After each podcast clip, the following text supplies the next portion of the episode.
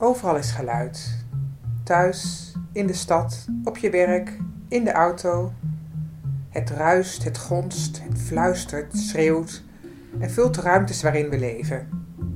Tussen al die druktes groeit het verlangen naar stilte. Een plek om tot rust te komen, waar het gewoon lekker stil is. Je luistert zo meteen naar de stilte in het Maastheater Rotterdam. De reden om hier een stilte op te nemen is niet dat theaters zo stil zijn tijdens de coronatijd. De reden is dat ik met Daniela van der Ven een podcast gemaakt heb over haar voorstelling voor kinderen over de stilte. Danielle gaat samen met de kinderen op zoek naar de stilte. En ze doet dat onder andere door heel veel lawaai te maken. In dit uur stilte hoor je geen kinderen, maar de rust van een theaterzaal op een woensdagochtend. Wel hoor je halverwege iemand die iets gaat veranderen in de zaal en met de plakband bezig is.